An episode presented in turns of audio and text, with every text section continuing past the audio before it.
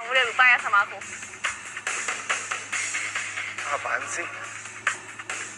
Eh, Pit, kita pergi aja ya. Oh, lo tukang genteng kan?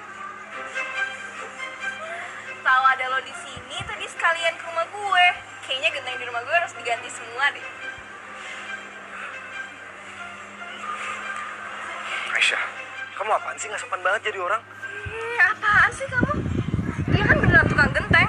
Kamu sendiri yang nggak post di website kamu. Aisyah jangan berisik deh.